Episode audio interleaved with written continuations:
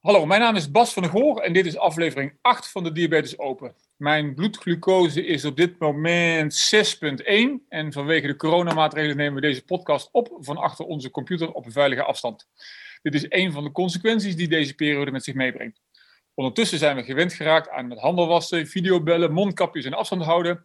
Een normale handdruk lijkt opeens heel lang geleden. We hebben geleerd dat je lichaam beter bestand is tegen corona als je in goede conditie bent. Gezond eet, vitamine D slikt, minder stress hebt en natuurlijk meer bewegen zijn dan belangrijk. Sport en spel in groepsverband ligt nagenoeg stil, behalve hier op Papendal waar ik nu ben. Uh, daar is het gewoon normaal druk met sporters die goed beschermd richting de Olympische Spelen uh, een jaar later dan gepland uh, werken die op het programma staat. In teamverband sport is het nog even een brug te ver, maar individueel of met je familie fietsen of wandelen kan gewoon doorgaan. Sterker nog, nu ik zelf ook veel meer aan het wandelen ben, zie ik pas hoeveel mensen er ook op uittrekken voor een wandeling. Wonend aan de rand van de Veluwe ben ik wandelend op plekken geweest waar ik nog nooit eerder was. Prachtige, rustgevende plaatsen. En vandaag praat ik met iemand die zelf geen diabetes heeft, maar daar prachtig over kan vertellen wat als, het, als het gaat over wandelen. Deze hoogleraar eh, is verbonden aan de Universiteit van Tilburg, maar zijn titel is niet de reden om hem, met hem te praten. We gaan het hebben over wandelen. Wat doet dat met je? Het effect van bewegen en wandelen op je leven met diabetes is al vaak besproken, maar zijn er nog andere redenen om de wandelschoenen aan te trekken en erop uit te gaan? Hij heeft boeken geschreven over zijn wandelavonturen in Spanje. Vandaag ga ik daarover in gesprek met Jacques. Zijn jullie klaar voor de achtste editie van de Diabetes Open? Dan gaan we beginnen.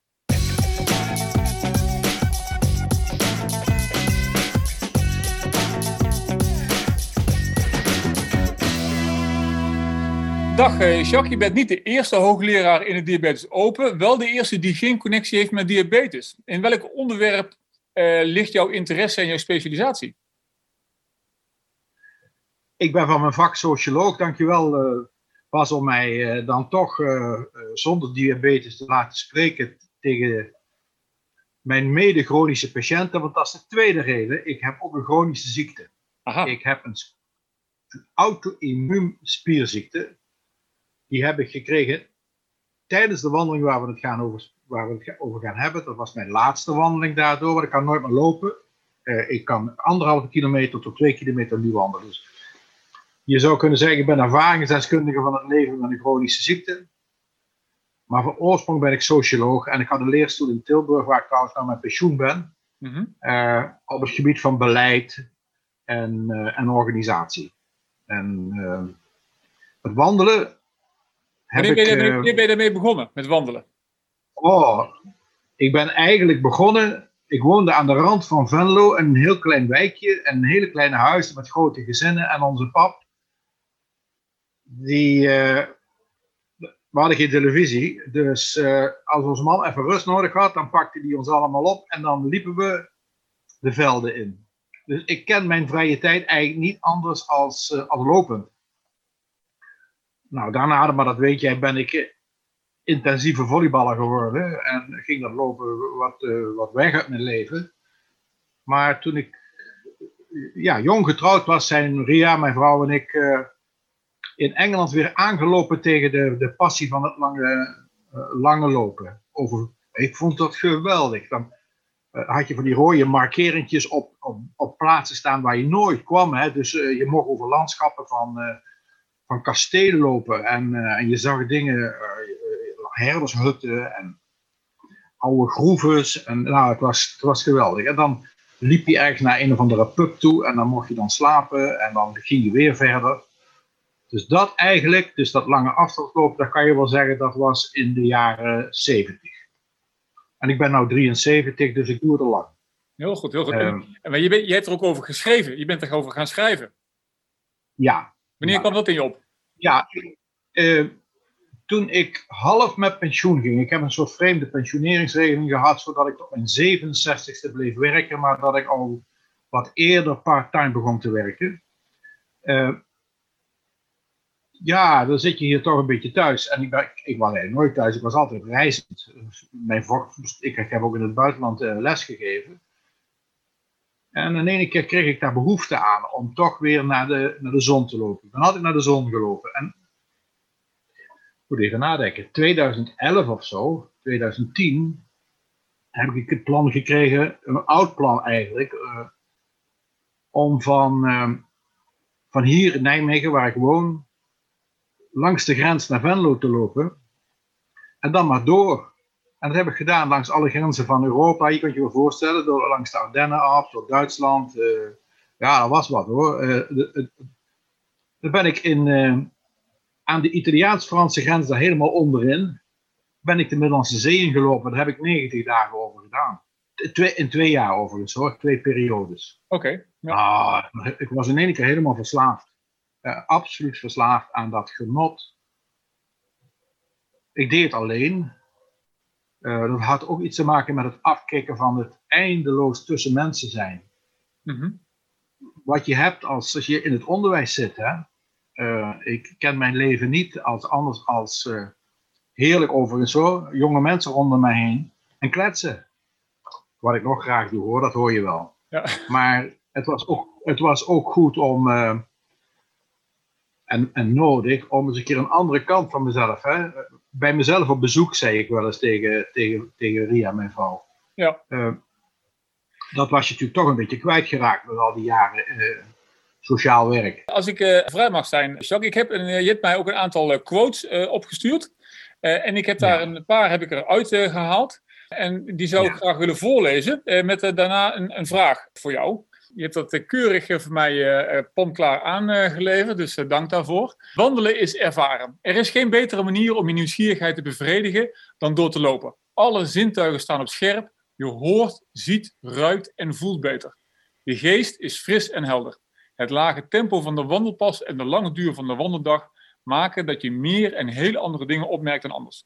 Een wandeldag is rijk aan kleine ervaringen. Het bijzondere van het gewone krijgt de kans om te worden gezien.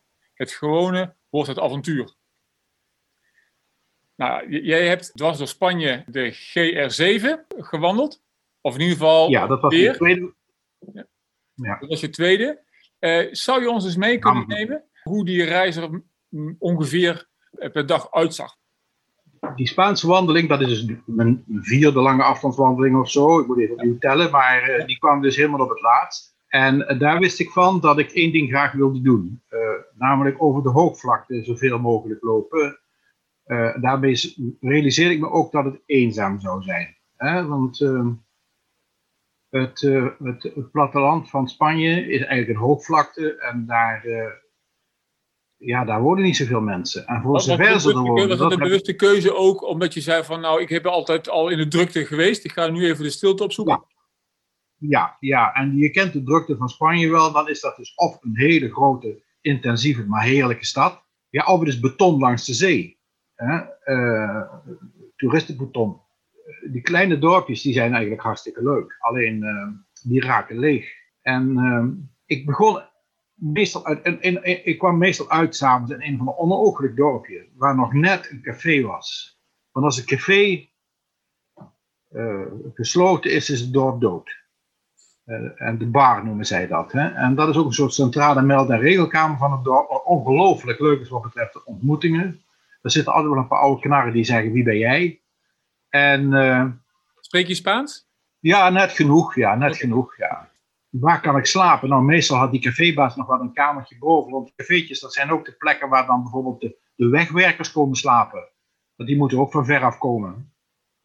Dus ja, vaak slaap je dan maar in een soort uh, aangeklede kleerkast, maar dat maakt niet uit. En uh, ze zijn goed voor je, heel lief. En s'morgens een ontbijt. En dan, je moet altijd vertellen over het wandelen. Want wandelen, dat vinden Spanjaarden, vooral de gewone Spanjaarden, niet de juppie Spanjaarden maar de gewone Spanjaarden, die, die zijn, voor hun is dat werk.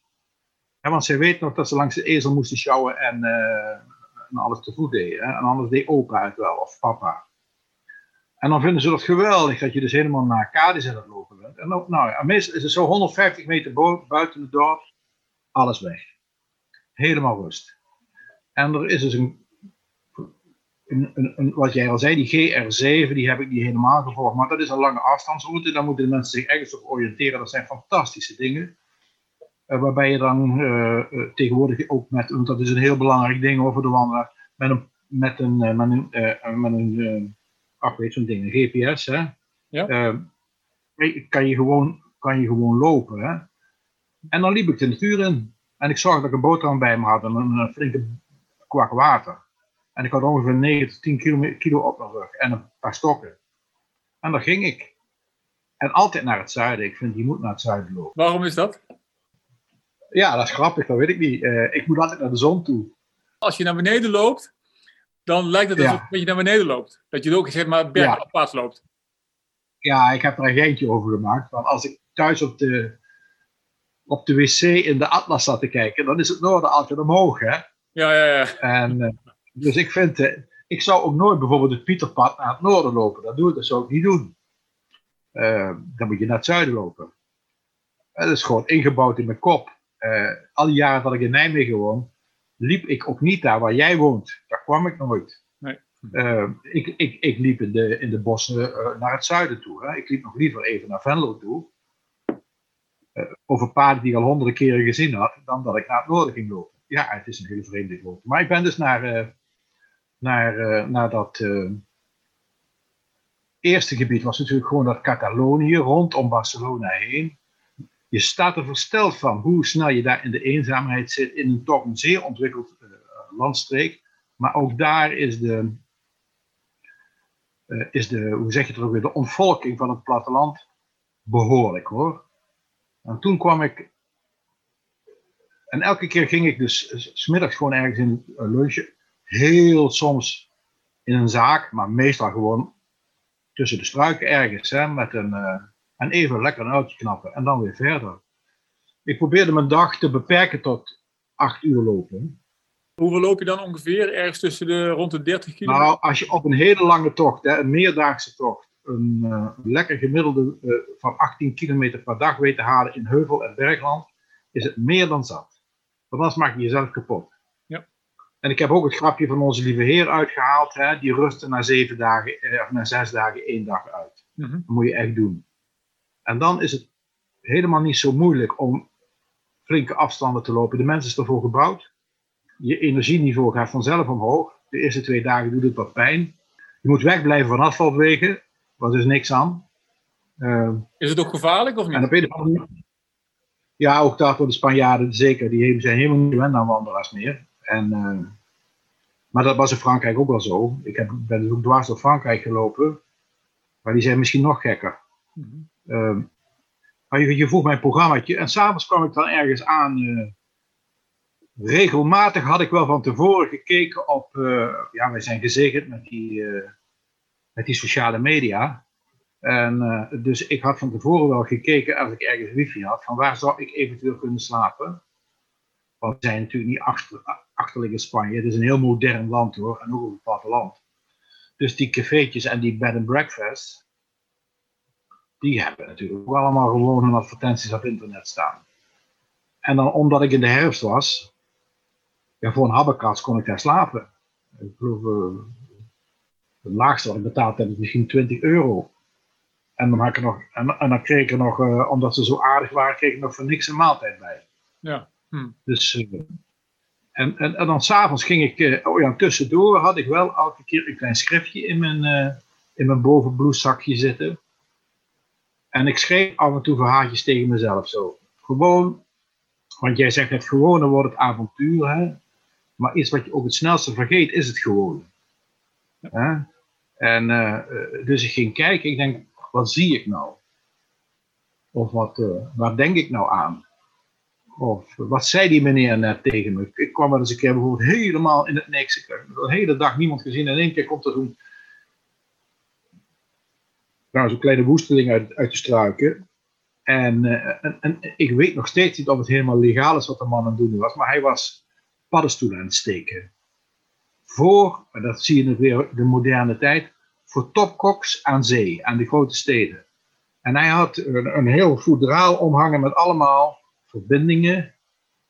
En daar praten die mee. Hè? Nou, dat vind ik, dat zou je bijna vergeten dat dat heel uniek is. Zo'n man die een middeleeuwse techniek, een middeleeuws beroep, combineert met.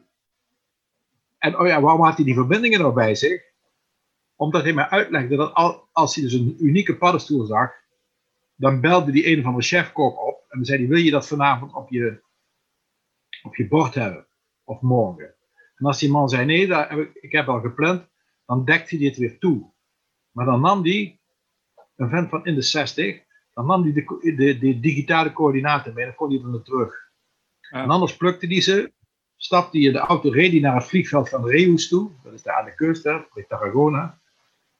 En dan leverde hij dat af. Nou, dat vind ik fantastisch, dat contrast tussen als vasthouden aan, een, uh, aan het gewoon agrarisch leven, hè, en daar toch die hele moderne voorzieningen in. Uh, hij zag eruit alsof je een kwartje zou geven, maar dat was een kino hoor. Eigenlijk hoor ik jou ook zeggen van nou, eh, het gewone vraagt om dat op te schrijven, omdat het dan een herinnering blijft die je nog een keertje kunt terughalen. ik zou graag door willen naar de, naar de tweede quote. Wandelen, dat gaat over herinneren. Wandelen activeert de gedachte over het leven dat achter je ligt. Wandelen schudt de herinnering op. Mijn vraag aan je is, waar heb je, waar heb je het meest aan teruggedacht? Zijn dat hoogtepunten of dieptepunten? Of wat waren je gedachten? Ik heb een paar uh, dieptepunten herbeleefd. Dat zal ik daar vertellen. En ook hier moet ik tot mijn treurigheid, tot mijn verbazing zeggen, meestal gaat het over gewone dingen. Niet zo als, uh, ik, ik, ik, zag mezelf weer bij de misdienaars in Venlo. Of ik begon terug te denken aan, aan, aan Pieter, onze trainer van volleyballen. Ja, je ontmoette de mensen waarvan je vergeten was dat je ze in je netwerk had zitten. En dat komt omdat het actuele netwerk, je personeel, je managementzorgen en zo, dat is allemaal weg ik, je denkt heel sterk ook aan andere reizen, want de ene associatie roept de andere op. Hè? Dus je krijgt herinneringen, in mijn geval dan, uh, omdat ik een paar keer in Amerika heb mogen werken, herbeleef je dat ook. Ja, door stom toeval gebeurden dan toch weer dingen zoals uh, achter Alicante, helemaal al, al, al, al, nog tamelijk dicht bij de kust was ik weer, want ik moest daar weer verder gaan. Uh, kwam ik in een dorpje en een hartstikke leuke kroeg, dus een soort schaap met de vijf met de vijf poten, maar dan. Hè, en de muziek was ook na van hand, want daar stond Piketanis stond erop. Hè. Hartstikke leuk, Nederlandse mensen met, ja, met zo'n Ik Vertrek café. Hè. Ze waren gewoon begonnen. Dat waren Amsterdammers en ik vroeg van waar wonen jullie in Amsterdam? En toen vroeg ik, nou, toen zei ze een bepaalde straat en dan zeg ik, er heeft mijn broer gewoond. En nou, het toeval was dat, dat die mevrouw uh, uh, had haar moeder op bezoek en die was van mijn leeftijd. En dan zijn we erachter gekomen dat zij met mijn broer in de café gezeten heeft. En mijn broer was alcoholist, ernstig ziek. En zij is ongeveer de enige uh, die ik heb buitengewoon lovend over mijn broer heb horen praten. Nou, dat was zo diep ontroerend. Vooral omdat, en iedereen heeft wel zo'n verhaal in zijn leven, vooral omdat ik mijn broer helaas dood gevonden heb. Uh, op een bepaald moment, uh, jij zei straks, je moet goed voor jezelf zorgen. Nou, dames en heren, dat moet ik maar blijven doen. Want als je aan de zuip raakt, dan is je gemiddelde levensverwachting niet hoger dan 55. En dat kan je dan wel heel intensief beleven, waarvan ik trouwens ook twijfel, maar dat alcoholisme van mijn broer, dat is een enorme schrik geweest voor me. Dus ik heb ook in mijn boek over Spanje, dat, dat uh, Zwijgende Vlakte is eigenlijk bijna een, foute titel, want je hoort wel niks, maar de vlakte praten wel tegen je doordat je van alles weer begint mee te maken in je hoofd. Dus, dus dat soort herinneringen, ga, ja, ik was totaal niet voorbereid op zo'n op zo'n uh, op, bijna fysieke ontmoeting, herinnering aan mijn verleden. Is het zo dat, dat er eigenlijk heel veel gedachten onderdrukt worden door alle impulsen die van buiten afkomen? En op het moment dat die impulsen wegvallen, dat al die gedachten weer naar boven komen? Absoluut. En ik weet niet, je moet dat maar eens een keer een sportfysioloog daar bij jullie vragen. Maar er is volgens mij ook zoiets als wandelaarstrans. Uh, als ik dus met zo'n um, met zo'n rugzak op. En ja, je moet je dus wel voorstellen, in Spanje heb je sommige wegen, zandwegen. Die lopen 20 kilometer lang van niks naar niks. Uh, een gehuchtje, een kruisingje. En uh, er zijn toch wat stukken. Het landschap is adembenemend mooi. Maar het is heel veel adembenemend mooi. En dus kom je in een soort wandeltrance Zeker op die stukken waar je dan wel eens door een bos loopt, wat in Spanje toch ook nog zat is hoor. Uh, dan begin je in een soort trance te komen. Ja, je kan het niet vergelijken met LSD, maar, maar het is wel zoiets. Er beginnen chemische processen in jezelf te werken. Die zijn op de eerste plaats heel brengen genot. Je voelt je heel goed. En de tweede plaats is, Er komen associaties in je hoofd. Nou, wist je niet dat je ze kon leggen. Uh, bijna een soort uh, creatief herbewerken van je leven. Ik heb een stuk geschreven over de periode dat ik eens een keer uh, last had van depressies. Dan heb ik bijna in een halve dag een soort romanachtige figuur van gemaakt in mijn hoofd. Dat ging gewoon vanzelf. Die man die noem ik Melan, die op, als aapje op mijn schouder, uh, Melan de zwarte, op mijn schouder meeloopt. En hoe ik daar dan uh, door het wandelen vanaf gekomen ben. Uh, en dat is dat grote genoegen van dat wandelen. En het positief herdefiniëren, ik denk dat mensen dat ook wel zullen ervaren. Het positief herdefiniëren van je leven. Je bent af en toe zo druk met gedoe van alle dag en kleine zorgjes, dat je de grote lijn van, de, van het leven als geschenk, die, die wel eens kwijt wil worden. Lijkt me een mooi bruggetje naar, naar de volgende quote, Jacques. Geestelijke opknapbeurt. Robert McFarlane heeft prachtige boeken geschreven over wandelen en natuur. In zijn Old Ways verwijst hij naar de klinische loopgedrag van zwaarmoedige denkers en kunstenaars uit vroege tijden. In lange wandelingen door de natuur vonden zij troost, kracht en heling. Hun getuigenissen van strijd en overwinning zijn aandoenlijk. Had jij voor jezelf ook een opknapbeurt nodig? Mentaal en of fysiek? Nou, misschien bij de eerste wandeling wel. Toen ik dus langs de, langs, uh, langs de Maas naar, naar, uh, naar het zuiden begon te lopen. Hè? Mm -hmm. Dan ben je wel, uh, ik was wel uitgeput door, door een hoop dingen. dat is dan ongeveer tien jaar voor, voor het moment dat ik dit schrijf. Want ja. Dit schrijf ik over mijn laatste wandeling in Spanje. Ik ben wel heel erg geboeid geraakt door die relatie tussen iets wat ik in mijn jeugd en in mijn middenpaarperiode wel had, hè, die, uh, die depressies zo, af en toe gewoon, uh, ja, ik heb me eigenlijk gewoon een beetje te hard gewerkt. Hè? En uh, ja. een beetje grenzeloos, maar dan op die manier grenzeloos. Ja. Ik neem aan dat je de topsporter ook wel kent, hè? En, want dat, ja, dat leven wat ik leidde was ook een soort topsport. En het kan een keer op zijn. Nee, ik, dat bijtanken toen was wel nodig, ja. En dat is wandelen fantastisch. Maar dat kan je ook gewoon hier in, Nijmegen en, bij jou daar in Apeldoorn doen. Dat, uh, dat, dat, lange, dat enorme uh, lange wandelen, dat maakt je dus ontzettend vrij. Hè? Er is niemand die zegt, nou moet je dit doen, nou moet je dat doen. En daardoor ga je ook eens af en toe nadenken over uh, leven als een verlies. Uh, ik heb ergens eens een keer gezeten en heb ik dus opgeschreven, ik had hier veel eerder moeten zitten. En uh,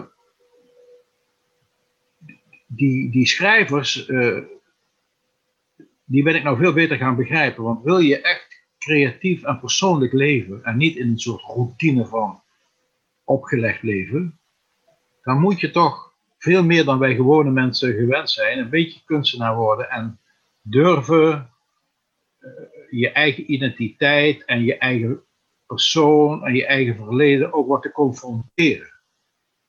En, uh, en, daar is die geestelijke opgave, dat lopen, heerlijk voor. Dus niet alleen is het een soort reparatie, want dat vind ik helemaal niet. Het is een creatie. Er komen dingen, ik heb uh, in dat wandelen verbindingen kunnen leggen en, en dingen kunnen bedenken en dingen gaan ondernemen. En ik ben ook veel gedurfder geworden en meer individu dan dat ik dat uh, dacht, wist dat ik dat kon zijn. We hebben het nu over zeg maar, avonturen, om het zo maar te zeggen. Uh, en lukt het ja. je ook door dagelijks een uurtje te wandelen of, of twee uurtjes te wandelen om, om in die zone te komen, zeg maar? Haha, dat is een echte topsport, dus het begrip zone. Uh, ja, Jazeker. Wij, hebben, uh, wij wonen hier aan de rand van Nijmegen in die bossen die iedereen wel, wel kent, waar de Zevenheuvelenloop doorheen gaat. En, uh, en de Vierdaagse op de derde dag. Doordat ik altijd in hetzelfde bo wandel, zit de verbinding met het geheugen en het, het, gevoel van plezier en, en diep genoegen en fitheid, 10 minuten, dan ben ik aan de gang. Oké. Okay. En als ik dan uh, ik kan nu dus uh, door die spierziekte die ik heb, kan een uur lopen. En uh, dan ben ik helemaal opgeknapt. En dat komt door de continuïteit. Dus je moet het blijven doen. En ik raad mensen altijd aan, om bijna ongeveer dezelfde wandelingen en dezelfde sfeer op te zoeken. Eh, mijn vrouw Ria, die loopt het eerste stuk altijd met, met mij mee. Of eigenlijk moet ik zeggen, ik loop met haar mee. En Ria heeft nou uh, een leenhond. We hebben een mevrouw op hier wonen, die heeft een, uh, die heeft een wandelprobleem. En wij hebben zo'n Friese tijd bij. Nou is een flinke makker. En een leuke hond overigens. En sinds ik niet meer kan lopen, is dat een uitkomst, want, of minder kan lopen. Want Ria die kon heel goed lopen. Mm en die is kunstenaar en die leidt ook wel eens af en toe aan zo van die energieproblemen van, god, we moeten weer dat hok in om te schilderen. Die wandelt, ze is het nou trouwens op dit moment aan het doen, die wandelt nu, ja, wat zal dat zijn? 8, 9 kilometer met die hond.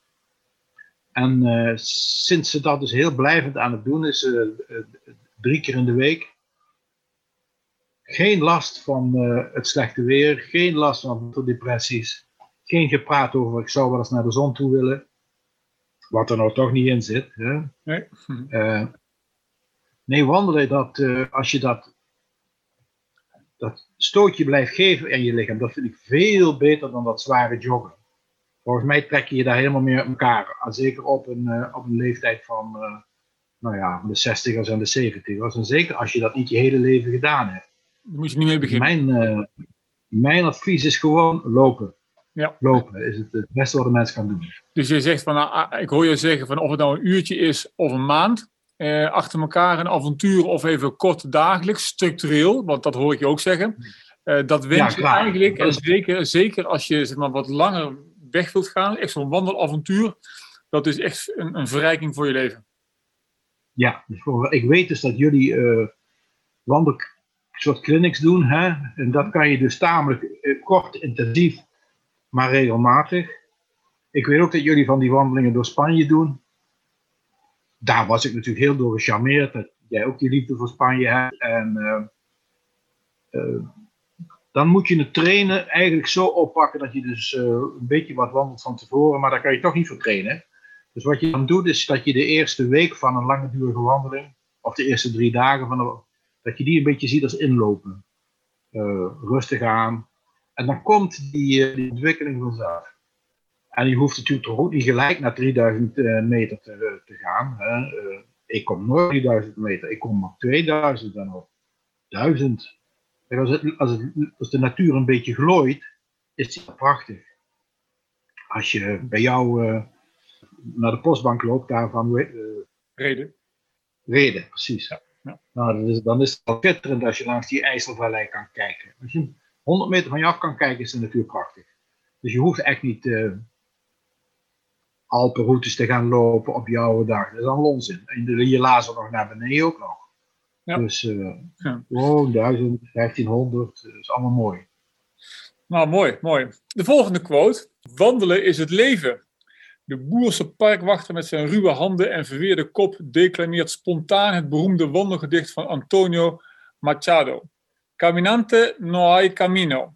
Wandelaar, er is geen weg. Al gaande ontstaat de weg. Aan zijn makker legt hij uit, het gaat over het leven. Het leven is een pad dat je maar één keer afloopt. Ja. Prachtig. Als, als, je, als, je, als je de link mee, uh, maakt, hè, er is geen weg, je maakt zelf de weg. Heb je af en toe ook wel uh, behoefte om die weg uh, dan toch even voor je uit te zien? Of, of waardeer je juist de vrijheid om zelf die weg te maken? Nou, ik zou in die.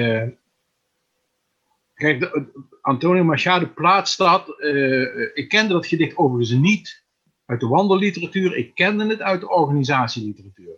Want Machado heeft het gewoon over het leven. Wij denken dat we het leven plannen. Hè? En ook uh, directeuren van ziekenhuizen en, en ministers van Volksgezondheid denken dat ze het leven plannen. Maar dat is niet zo. Het is maar, heel beperkt. En het nummer van de Beatles toch ook? Wat was die quote ook alweer? Life is uh, happening to you. Hoe ging die ook alweer? Ja, ja, ja ik ben het vergeten. Ik hoor eigenlijk alle Beatles uit mijn hoofd kennen. Maar, oh. maar dat is waar, ja. Dat is zo'n quote. Kom straks nog op. Ja. Ja, ik mag het vergeten zijn, want ik ben 73. op maar, uh, ik voel de druk. ja, ja, ja, dan moet jij gaan denken. Ja. Nee, maar Antonio Machado schrijft dat gedicht over het leven. Uh, het leven is altijd een verrassing.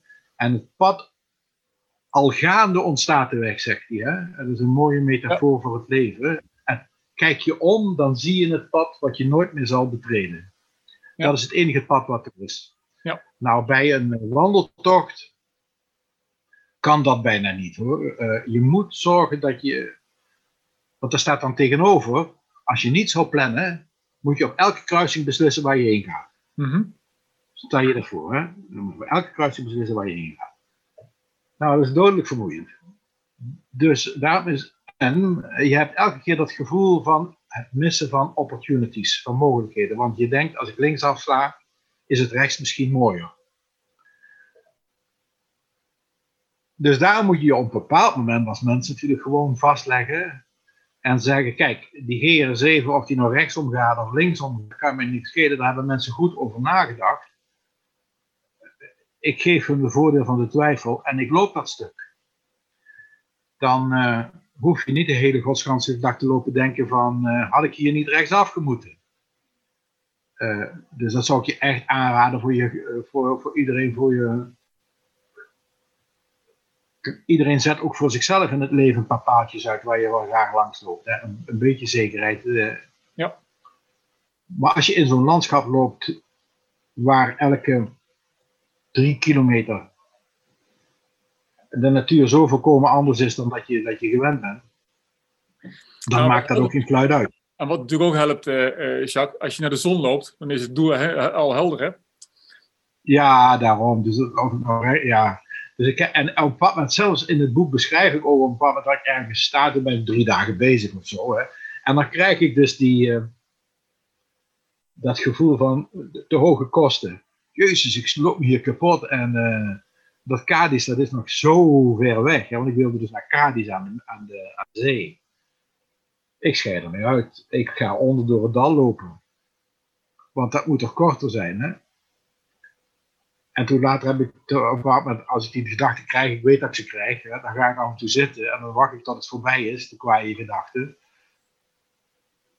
Want of Cadiz nog ver is, of heel ver, of eindeloos ver, eh, ver blijft het toch. En het zal toch verder lijken dan je denkt. Hè? Ja. Eh, dus je moet het maar zien. Ik gebruik, als mensen mij dat vragen, vaak de. eh, even denken, hoe heet dat ding? De, de Chinese uitdrukking, geloof ik dat het is. Hoe eet je een olifant? How to eat an elephant. Hè? Mhm. Slice by slice, hè? Ja, ja. stukje bij stukje. Ja. En dan krijg je hem vanzelf op. En, eh, Een mooie link ook naar de topsport. Ja, als je grote doelen wil bereiken, dan maak je gewoon heel veel kleine doelen, tussendoelen. En, en dan, Ja. dan wordt het behapbaar. Ja. En ik heb dus eh, interessant, dus dat ik op het laatst van de laatste wandeling werd ik ziek. En eh, ben ik ernstig verlamd geraakt, van binnenuit. Ik heb nog net de weg naar huis kunnen maken. En eh, daar werd ik opgenomen in, een Radboud ziekenhuis eh, met een eh, auto-immuunziekte. En langzaam, nou niet langzaam, in een hoog tempo raakte ik verlamd. Ik heb nog net, dat was net voor de, voor de coronaperiode. Ik heb op de intensive care gelegen waar waarschijnlijk nou allemaal coronapatiënten liggen. En langzamerhand hebben ze me weer teruggetoverd. Maar toen ben ik ondergebracht in een plek, ja, die lijkt een be- beetje op waar jij daar bent. eh, een thematisch kliniek waar heel veel gesport wordt. Hè, een herstellingszorg, waar ook veel Ja. sporters eh, moeten revalideren. En een ene keer zit ik op zo'nzelfde pad. Want die dames en heren van de, van de revalidatie, eh, die moesten mij aanwennen aan het feit dat het nooit meer over zou gaan. Hè? Dat ik altijd wel enige restproblemen zou overhouden. Dat ze moesten uitzoeken of ik überhaupt nog goed aan het lopen kwam. En ik moest, pas daar zat ik. Ik moest Ja. eerst bij, bij een zitclub. En daarna moest ik bij een loopgroep. En daarna moest ik bij een wal, eh, stappengroep, geloof ik, of zoiets. En uiteindelijk kwam ik zelfs bij een judoclub. Dus ik was eh, elke keer raakte ik een klein stukje eh, beter. En die hebben mij helemaal op dat pad gezet, hè, wat die agogen, daar moest ik af en toe gewoon lachen, om, hun taal. Hè, want bij sportbegeleiding heb je dat natuurlijk ook, hè, bij fysiotherapie. Maar ze hebben wel gelijk, hè, kleine overwinningjes. En in feite bestaat de wandeldag daar ook uit. Dus die metafoor tussen wandelen is het leven. Je kunt ook wel zeggen, wandelen leert je weer in een kleine, intensieve, korte periode over wat het leven eigenlijk is. Namelijk af en toe pijn in de bibs, af en toe pijn eh, in de knieën. En gewoon maar doorgaan. Ik en het feit dat je dat ook kan. ik heb de quote dat van John. Lennon gevonden. eh, Jacques, life is what happens while you are busy making other plans. Dat is Ja, het. Dan was ik persoonlijk niet de grootste fan van John Lennon. Nee. Maar eh, dat is dus ja, dat is precies zo, ja. Nou, fantastisch. Fantastisch. Hoe gaat het nu met je, Jacques? Ja, het is nu eh 2,5, 3 jaar verder. Ehm, en de voorspelling is geweest, eh, het zal niet helemaal overgaan. Eh, daar hebben ze gelijk in, het gaat niet helemaal over. Eh, ik ben ongelooflijk veel beter dan wat ik was. Eh, ik krijg eens in de maand krijg ik een infuus. Ik noem dat maar mijn wasverzachter, zodat ik een beetje soepel blijf.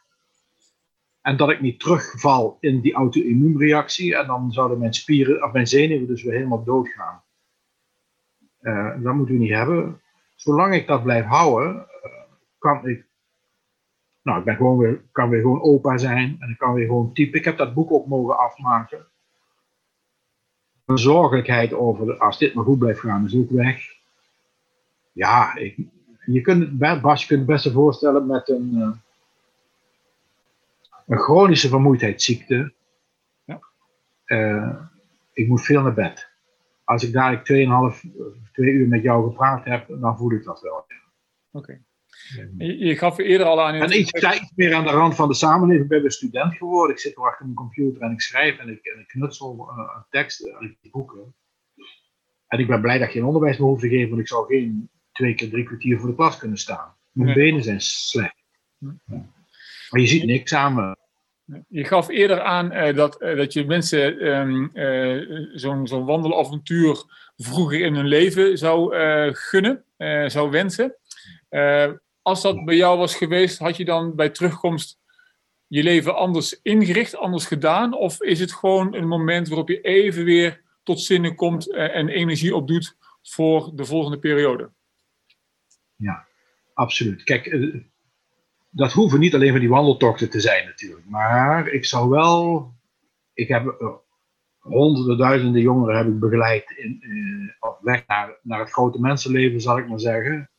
En eh, ik heb altijd geprobeerd aan hun uit te leggen dat als ze dadelijk 25 zijn en ze hebben een mooie baan, en, want dan raak ik ze meestal kwijt hè, uit het oog dat het leven dan nog lang niet afgelopen is. En, en dat er een, eh, een soort heilig ritme is van om de zeven jaar moet je toch goed naar jezelf kijken.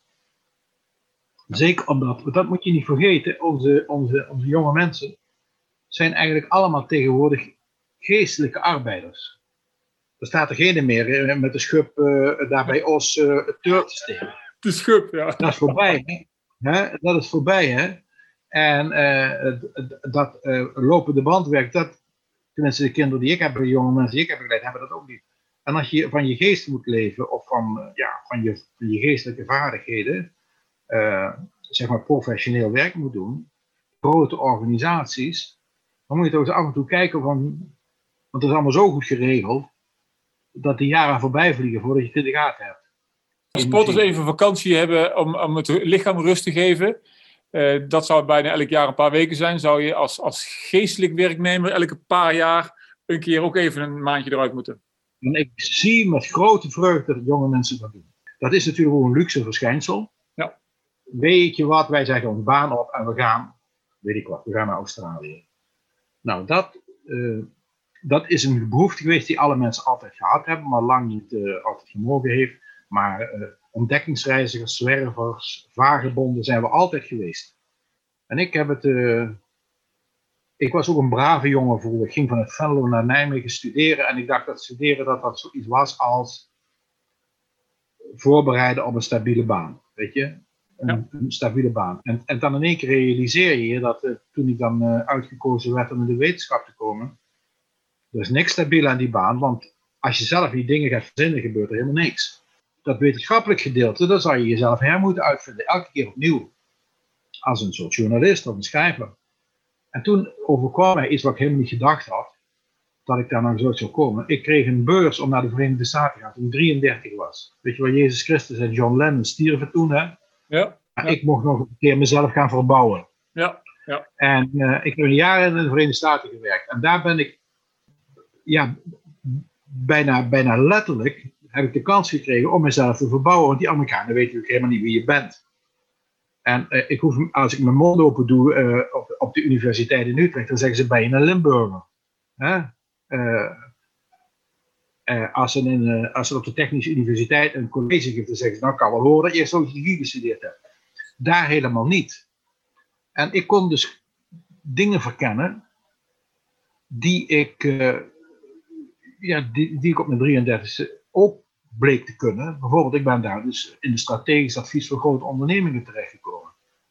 Ik durfde in ene keer mijn kennis, academische kennis, te gebruiken om eens een paar mensen de waarheid te zeggen. Mm -hmm. En uh, ik kwam terug met een soort nieuwe identiteit. En dat heeft mijn baan uh, als, uh, als, als adviseur in de top van films opgeleverd. En vandaar ben ik dus later naar. naar dus ja, ik zou mensen echt. En, en later heb ik dus ontdekt dat dat reizen en wandelen, lang er even tussenuit gaan, dat dat diezelfde verbouwende, herbouwende, reconstruerende innovatie, zegt, hoe heet die goede man? Schumpeter, een econoom die zegt innovatie is nieuwe combinationen. Je hoeft helemaal niet alles te bedenken. Het is het herschikken van de kaarten in je lijf Precies. en in je geest. En dat moeten mensen dus gewoon durven te doen. En dan zeggen die mensen, en dan zeggen de mensen rondom je heen, goh, dat je dat kan. Maar uh, nee, zoiets moet je het zien, ja. Mooi, mooi. En doordat de dag eenvoudig, een wandeldag is eenvoudig, het heeft vaste routines, heel leuk om te ontdekken hoe snel je die routines hebt. Bijvoorbeeld, als ik in een tweepersoonskamer kwam, was één bed altijd voor het spul. Zodat ik niks zou vergeten. Ik bouwde niks in een kast. En ik dacht van, hé, dat doe ik. Dus uh, de rugzak bouwde ik vast in. Hè. Uh, ik deed altijd dezelfde dingen erin. In dezelfde volgorde. Uh, het, het, het, het, het, schriftje moet altijd in hetzelfde zakje. En daar ga je dan. Oh, geweldig geweldig was. Echt. Ja, jij, jij doet het ook, dus ik hoef jou niet te vertellen. Uh, met, met die opmerking. Um, dat, uh, ik, ik, heb wel een aantal keren een wat langere reis mogen maken. Uh, maar omdat, want je zit in een, in een relatie om dan ervoor te kiezen om dat alleen te doen. want met z'n tweeën kan ik me voorstellen dat het toch nog weer een heel ander avontuur wordt dan dat je het alleen doet. Je komt er zijn plus en, en min. Hè? Mhm. Ik heb mij wel eens alleen gevoeld, maar eigenlijk alleen s'avonds in die hotelletjes en die pensionnetjes. Dan uh, valt je de, de lulligheid van die kamertjes en zo, dat valt wel eens over je heen. En ben je met je vrouw samen, dan maak je er wel wat van. Hè? Dan ga je, voor mij wat ga je wat zitten te, te scrabbelen of zo hè, op internet. Ja. Dat, Dat, uh, je komt de tijd wel door. Uh, overdag is het andersom. Overdag denk ik dat je meer open staat voor nieuwe ontmoetingen. Als je uh, spontaner bent in het, in, het, in, het, in het opnemen van de dingen die je ziet, dan dat je met je partner, vrienden, wandelvriend. want je moet daar dan elke keer je gesprekken onderbreken. Ja, ja, ja precies. Dus, ja. dus er, is een, er is een yin en een yang hier waarom heb ik besloten om alleen te gaan? Omdat Ria zei, dat moet je doen. Dat is goed voor je. Weet je, een beetje afkicken van, van, van ja. Ik had 25 of 30 jaar naar, 25 jaar naar Tilburg gependeld, vanuit Nijmegen met de trein. Ik was eigenlijk al vergeten hoe het was om, om niet, niet meer mijn dagen tussen vele mensen door te brengen. En Ria als kunstenaar die hier op dat atelier zit. En dan ging ik s morgens naar Tilburg dan kwam ik s'avonds terug en dan zat ze er nog op dezelfde plek. Zeg, je bent toch wel naar de wc geweest, zeker? Hè? Ja, ja, dat wel. Hè?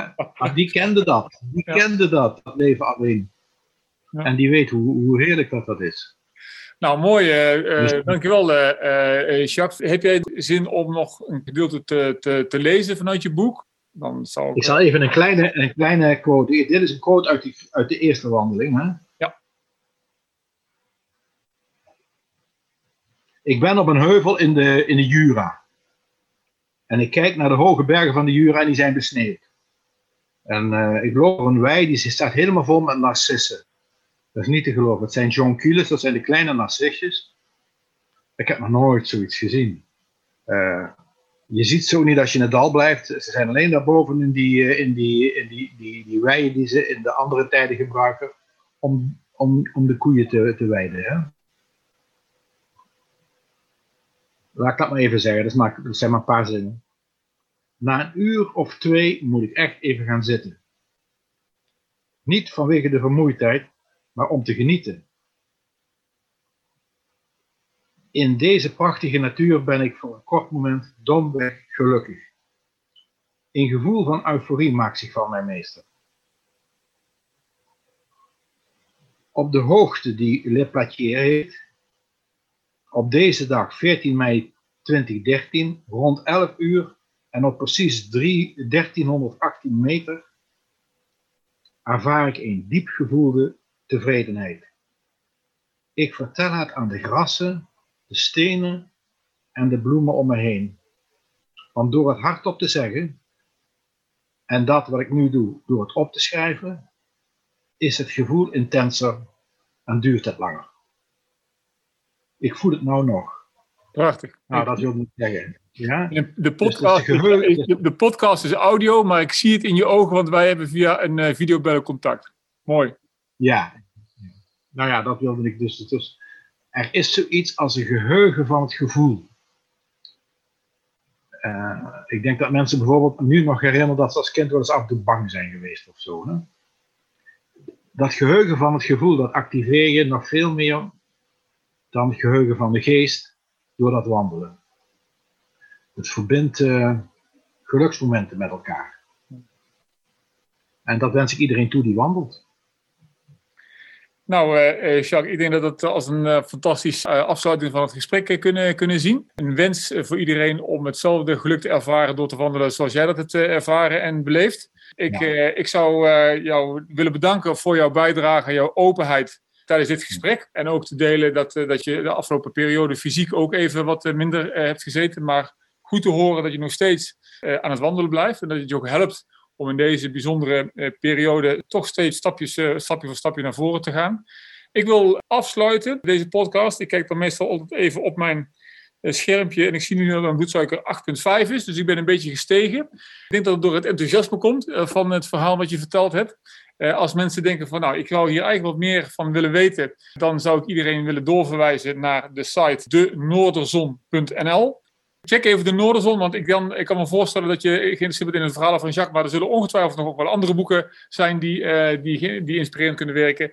Wij zijn er de volgende keer weer. Heb je nog een vraag over sport, bewegen en diabetes? Laat het ons weten via onze Facebookpagina, website of stuur ons rechtstreeks een mail naar podcast.bvdgf.org.